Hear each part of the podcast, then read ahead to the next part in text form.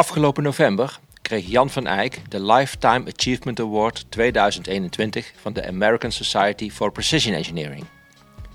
Dit is het tweede deel van de podcastserie waarin Alexander Pil met Van Eyck terugblikt op zijn carrière. Ook schetst hij de uitdagingen waarvoor Hightech Nederland staat. In deze aflevering heeft Van Eyck het specifiek over een dreigend verlies aan innovatievermogen als gevolg van de bureaucratisering bij ASML. Maar Pil en Van Eyck beginnen met het ontwikkelingswerk dat de Mechatronica Guru deed in Pakistan.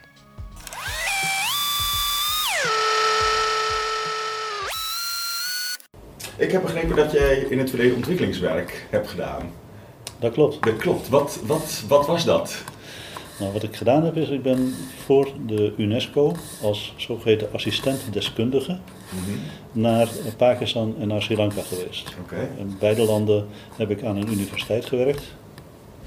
En in Pakistan was, moest ik helpen om een werkplaats van een eh, algemene universiteit eh, draaiende te krijgen. Dat was een universiteit opgericht die bedoeld was om PhD-niveau in Pakistan zelf te kunnen eh, laten opleiden. Voor wiskunde, fysica en dat soort eh, Mhm. vakken. En eh daar was dus een heel nieuwe universiteit uit de grond gestapt in Islamabad, een nieuwe hoofdstad in die tijd. En die werkplaats was ingericht met spullen van UNESCO. Er zaten medewerkers uit Pakistan en er was een Hongaarse deskundige die dat zou helpen ondersteunen. En er waren twee Nederlandse assistentdeskundigen, waarvan ik er één was. Oké. Wanneer, wanneer was dit? Dat was 1975, denk ik. Nee, ja, ik denk 75. Het einde van 1975, dat ik daar terecht kwam. Ehm, mooi plan. En ik was fijn, naïef, idealistisch enzovoort. En, en ook pacifistisch of zo. Dus ik had geen zin om in militaire dienst te gaan. Dus voor mij was dat een manier om alternatieve dienstplicht te vervullen. Ah, oké. Op die manier was dat. Dat was een van de drijfveren, maar dat, dat eh, naïeve idealisme was er ook een, eh, speelde daar ook een rol in. Ja. Je dacht dat je iets goeds kon doen voor de mensheid. Ja. Dat, heb, dat leer je daar af. Ja. oké. Eh, Ik heb daar best leuke dingen gedaan. Die, die werkplaats, dat was een politiek mijnenveld. Waar eh, werk niet zo belangrijk was, maar politiek wel. Op een gegeven moment ben ik samen met die collega Nederlandse deskundige, of assistentdeskundige, zijn we gewoon dingen gaan, zelf dingen gaan doen. Dus apparaten bouwen voor de onderzoekers, apparaten repareren Mhm. om, voor die onderzoeksomgevingen. Want met, dit, met de leiding en de medewerkers in die werkplaats viel niet zoveel te beginnen.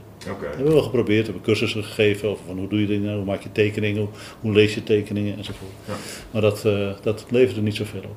Oké. Ho- ho- Hoezo was dat, dan, landde dat daar dan niet? Nou, de, de man die op dat moment de leiding had, was de baas van die werkplaats geworden door met andere medewerkers samen een plan op te zetten om de vorige baas eruit te jagen. En hadden daarbij een van de beste mensen misbruikt als een soort van zonderbok. En die, die was dan magazijnbeheerder en ze hadden dingen uit het magazijn vervreemd. En dan had het, zodat die baas de schuld kreeg. Dus die hele club Het is meer Hing van- politieke spelletjes. hing hing Ja. aan elkaar van dit soort eh, gedoe. Ja. Later merk je dat het UNESCO ook niks kan schelen of dat wel of niet werkt. Want het gaat er die mensen van de UNESCO alleen maar om dat ze hun eigen baantje blijven houden. Oké. Zij het in Parijs, zij het in Pakistan. Het zijn allemaal hele mooie baantjes. Zeker voor mensen die niet uit het, uit, eh, het Westen komen, uit, uit Europa of uit Amerika komen. Zijn het heel riante banen die heel veel opleveren. Dus dat, eh, die mensen die zijn er alleen maar daar om hun eigen plekje te behouden, zodat alles goed blijft lopen. Nou, dat, eh, na anderhalf jaar had ik daar wel genoeg van. Toen hebben ze me, ben ik overgeplaatst naar Sri Lanka. En daar moest ik aan een technische universiteit werken. Onder leiding van een Russische professor. Mhm. Ook speciaal iets voor mij. Mhm. Als je dat op cultuur gaat bekijken, Ja. dan botst dat nog iets meer. Eh, dus dat was leuk om met iemand samen te werken, een ruzie te krijgen en dat op te lossen samen. Dat was, eh, dat was heel waardevol. Ja. En daar moest een eh, cursus opgezet worden om in Sri Lanka technici op te leiden tot Master of Science niveau. Normaal gaan ze daar tot bachelorsniveau en dan verhuizen ze naar Engeland om de verdere het opleiding te doen en ja. komen nooit meer terug. Maar in Sri Lanka zijn ook zogeheten Tamils. En die mochten van Singalezen natuurlijk niet naar, niet naar Engeland. Mhm. Dus die werden, bleven verstoken van het onderwijs. Ja. Dus had UNESCO bedacht, wij gaan een eh, part-time MSc-opleiding opstarten. Dus de studenten komen twee dagen per week naar de universiteit, krijgen lessen van de Russische prof, van mij of eventueel de anderen. En eh, kunnen daarmee, door in de praktijk ook projecten te doen die in de praktijk werken, die dan worden eh, begeleid vanuit de universiteit, Ja.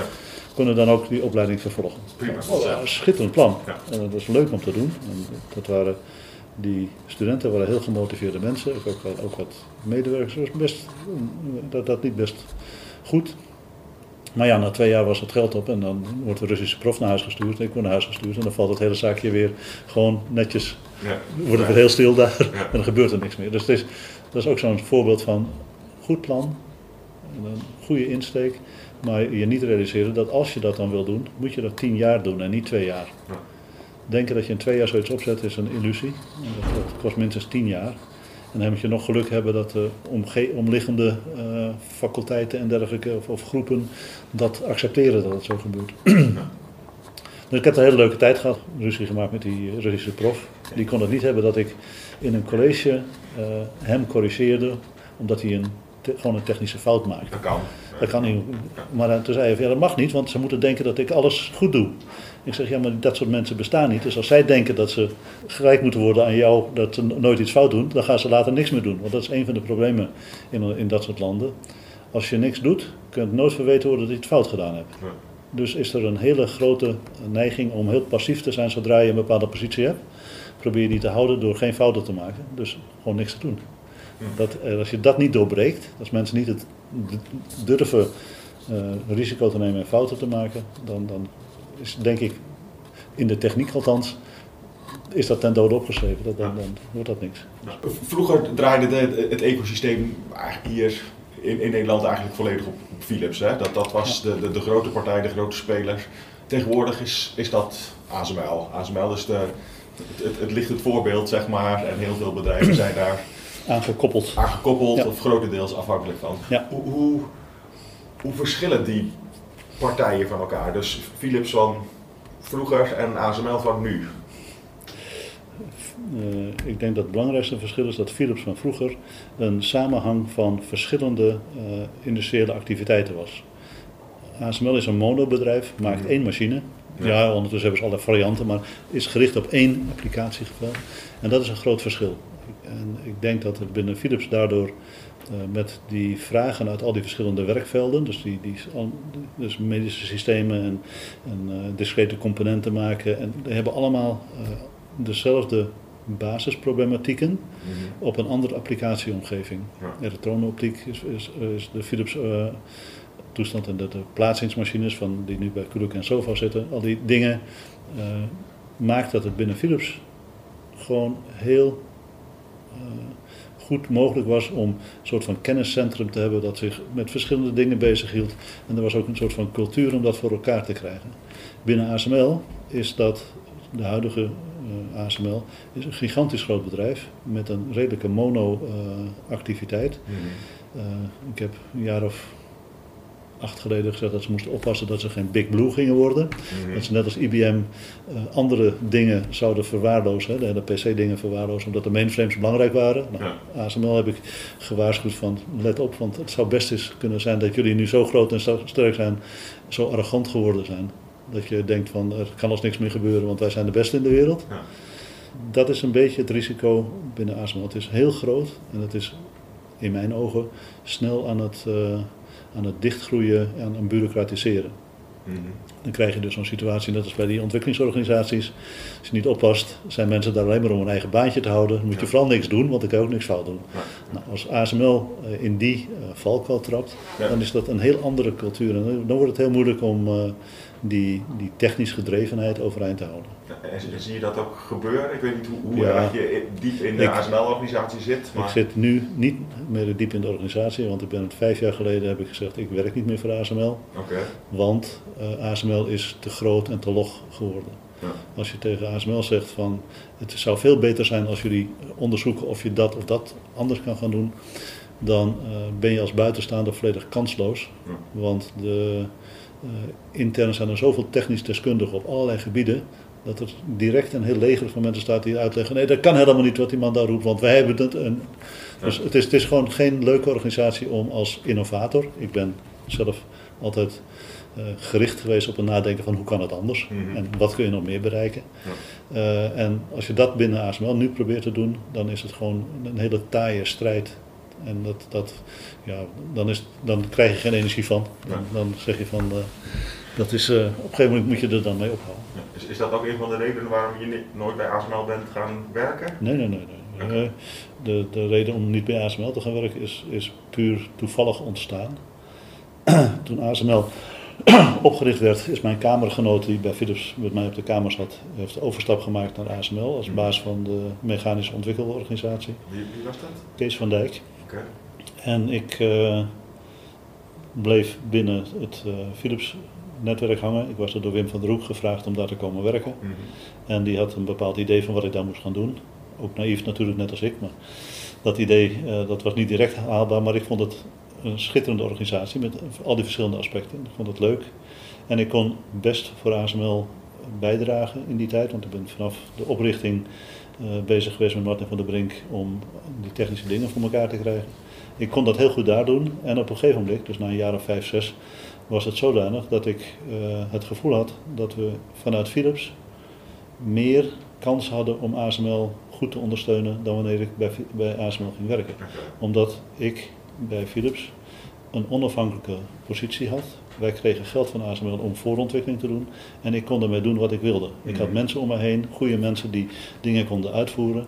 En we hadden dus een hele slagkrachtige eh, organisatie die zich niks aantrok van de dagelijkse problematiek bij ASML. Ja. Dus we, zaten, we waren gewoon heel erg innig verbonden met ASML, maar waren toch onafhankelijk en konden dingen doen. Ja. Dus dingen als planaire motoren, ASML zag het helemaal niet zitten toen dat eerst tevoorschijn kwam. Zijn we gewoon mee aan het werk gegaan, want we hadden goede mensen en het dat geld wat we over hadden, konden we gebruiken om dat als voorontwikkeling te doen.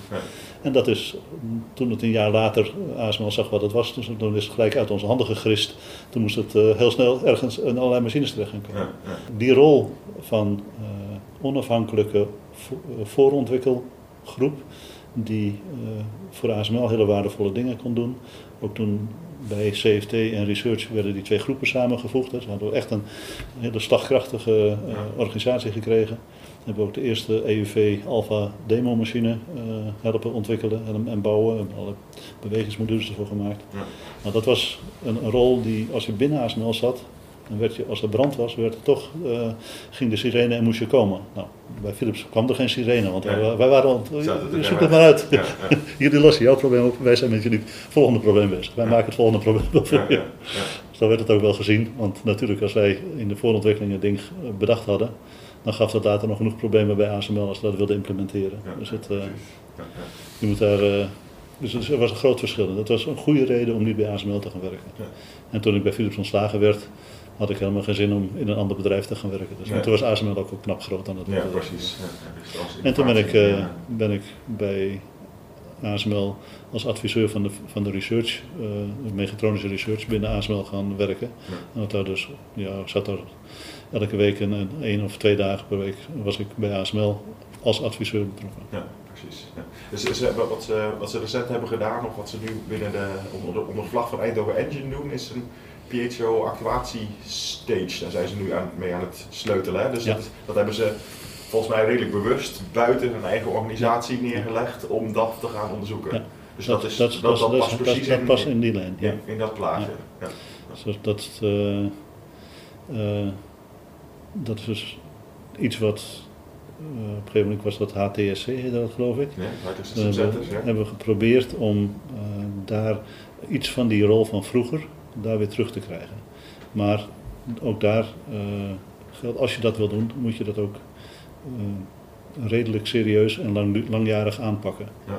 En eh, redelijk serieus betekent dat je daar ook behoorlijk geld tegenaan moet zetten. En wat we binnen Philips dus hadden, was, waren de contacten met de technici binnen ASML, Mhm. die, we, die gevraagd en ongevraagd zich bemoeiden met de dingen die wij deden. En ik ben bang dat die, die, die link van de huidige technici met die projecten op de, op de Eindhoven Engine, of hoe dat dan ook heet, Ja. eh, nog niet voldoende sterk is. Dus. En dat is, dat is moeilijk om dat toch te bouwen, want je wil dus de, de, ja, de, de, de, sleu- de, de sleutelmensen uit de techniek van ASML, eh, betrekken bij dat soort voorontwikkelingen. Nou, Hans Vermeulen is een, een, bij uitstek een vertegenwoordiger daarvan. Ja. Maar als Hans Vermeulen alleen met zijn groep op, bij de Eindhoven Engine dat moet gaan trekken, dan wordt dat moeilijk. Ja, Hij, kan dan, hij heeft dan, denk ik, onvoldoende de, de steun en de, de, de vraagstelling van anderen uit ASML eh, daarin ingebakken. Het is moeilijk om voor elkaar te krijgen. Ja. Want wij hadden een groep van eh, op een gegeven moment van zo'n 20, 25 man die daar fulltime als, als eh, goed opgeleide ingenieurs aan het werk waren. Ja. En om een soortgelijke groep op de universiteit voor elkaar te krijgen, dat was een droom. Mhm. Dat hebben we wel gewild, Ja. maar dat is niet, tot nog toe denk ik niet gelukt. Nee. Ik, ik, heb, eh, ik ken het project waar je het over hebt, ik ben er niet bij betrokken, of, dus ik weet nog niet precies hoe groot en hoe omvangrijk dat is. Maar Een, een jaar of tien geleden, denk ik dat het ongeveer was, was er sprake dat er een, een mechatronica instituut zou komen. Het is al langer geleden, ik denk dat het ergens rond 2004 of 2005 heeft gespeeld, was er een eh, initiatief om te komen tot een IOP-programma Megatronica-achtige dingen. Dus er, was, daar was een, er werd een poging gedaan om een, een subsidieprogramma van de grond te krijgen, een redelijk omvangrijk subsidieprogramma, waar verschillende grote bedrijven aan zouden deelnemen. Mhm. Eh, dat werd getrokken, dat het initiatief, daar was ik een belangrijke eh, technische inhoudelijke bijdrager en Berenschot was degene die dat probeerde te organiseren. En dat was dus niet een instituut, ik ging niet eh, bij Philips weg en, en zoiets anders gaan doen. Nee, Nee, nee, het zou gewoon vanuit mijn Philips rol bleef, zou ik daar een, eh, een trekkende functie in kunnen verkrijgen. Ja. Dat voorstel, dat projectvoorstel, is op een gegeven moment door TNO en Philips de grond ingeboord. Oké. En daar is daarna niet zoveel meer van gekomen. Het was, het was niet mijn bedoeling om een eh, directeur van een Nederlands instituut te komen Nee. worden. Dus het zat niet in de lijn van de planning. Ah, z- Zou er zo'n instituut moeten komen dan? Nou, ik, ik denk dat zoiets als Eindhoven Engine Mhm. of HTSC, wat het eerst was, Ja. zijn pogingen om in een dergelijke richting dingen voor elkaar te krijgen. Ja. En ik heb er, eh, ik, ik, ik denk dat je dat eh, in het belang van zowel ASML, maar ook andere technologische bedrijven in de regio helemaal niet eh, ongunstig zou zijn als je iets voor elkaar zou kunnen krijgen in die richting. Dat je daar met inderdaad 20 mensen, met, met daaromheen nog eens een keer 20 studenten, Mhm. PhD weet ik veel wat, serieus eh, aan dat onderwerp zou kunnen werken. En Ja. aan voorontwikkelingachtige dingen zou kunnen werken. Ja. Dat, heeft- dat is denk ik de moeite waard, is waardevol voor de regio, maar of het haalbaar is op dit moment, dat, dat weet ik niet. Ja, Dat is een, eh, dat zullen ze moeten, moeten laten zien. Ja. kijk, het, het, het High System Center is ja, vorig jaar ergens opgegaan in het, in het EASY, of EASY moet ik eigenlijk zeggen. EASY. Het, het, het Artificial Intelligence Instituut op, eh, Eindhoven, eh, op de Eindhoven Universiteit. Eh, wat, wat vind je daarvan? Ik, ik vind daar niet zoveel van, want ik weet niet wat er inhoudelijk daar precies gebeurt. Oké. Ik, ik vind dat artificial intelligence is interessant. Eh, net zoals eh, computer-aided eh, design of eh, finite element methods. Allemaal gereedschappen die heel waardevol zijn. Ja.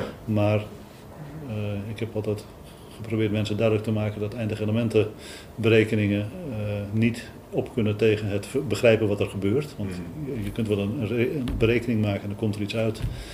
En dan bij Philips, met compact disc wereld, was was een van de eerste werelden waar binnen Philips uitgebreid eindige elementenmodellen werden gebruikt. En dan was het model klaar, dan was, was het rekenmodel klaar. Ondertussen was het, de echte eh, product was al lang veranderd, want het, wat ze bedacht hadden werkte dan niet. Maar dan gingen we naar conferenties om daar die mooie technische pornoplaatjes te laten zien Ja. van zo'n zo'n gekleurd eindige Ja, elementenmodel. ja. Om te laten zien hoe geavanceerd we bezig Ziet er waren. altijd mooi uit. Ja. En dat, ik heb daar toen, dat was een van de opdrachten die ik had, om te kijken hoe we dat in het ontwerpen binnen Philips van de grond konden krijgen. En we hebben toen uitgezocht wat er aan de hand was. Nou, die, die, dat hele eindige elementenwereldje stond op zichzelf. was niet gekoppeld aan het, aan het totale ontwikkelproces, ging veel te langzaam. En dat is allemaal veel beter. Maar het eindige elementen eh, ding is een gereedschap wat je kunt gebruiken om dingen voor elkaar te krijgen. En zo zie ik artificial intelligence ook.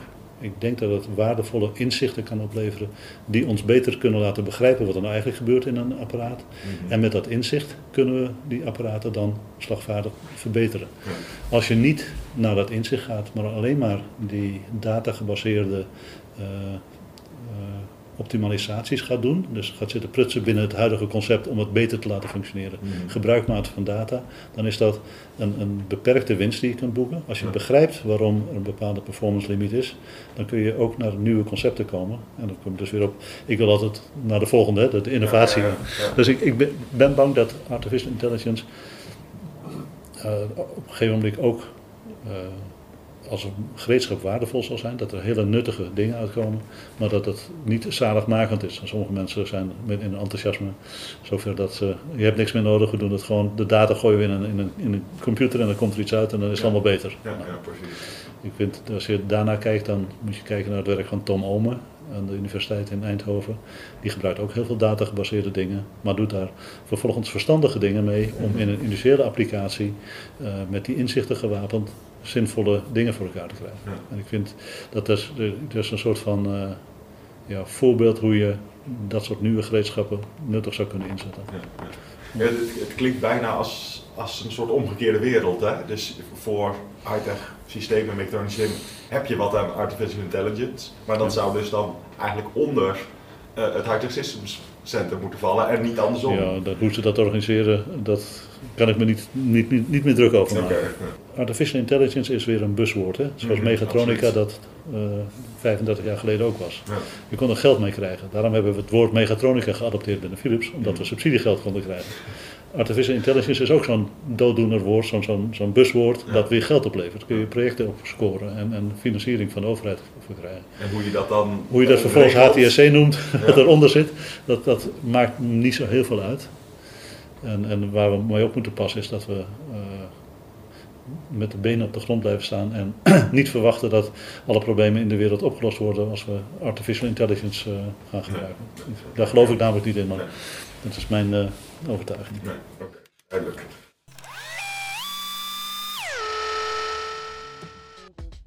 Dit was Bits Chips. Volgende week de laatste aflevering van de gesprekken met Jan van Eyck. Dank voor het luisteren.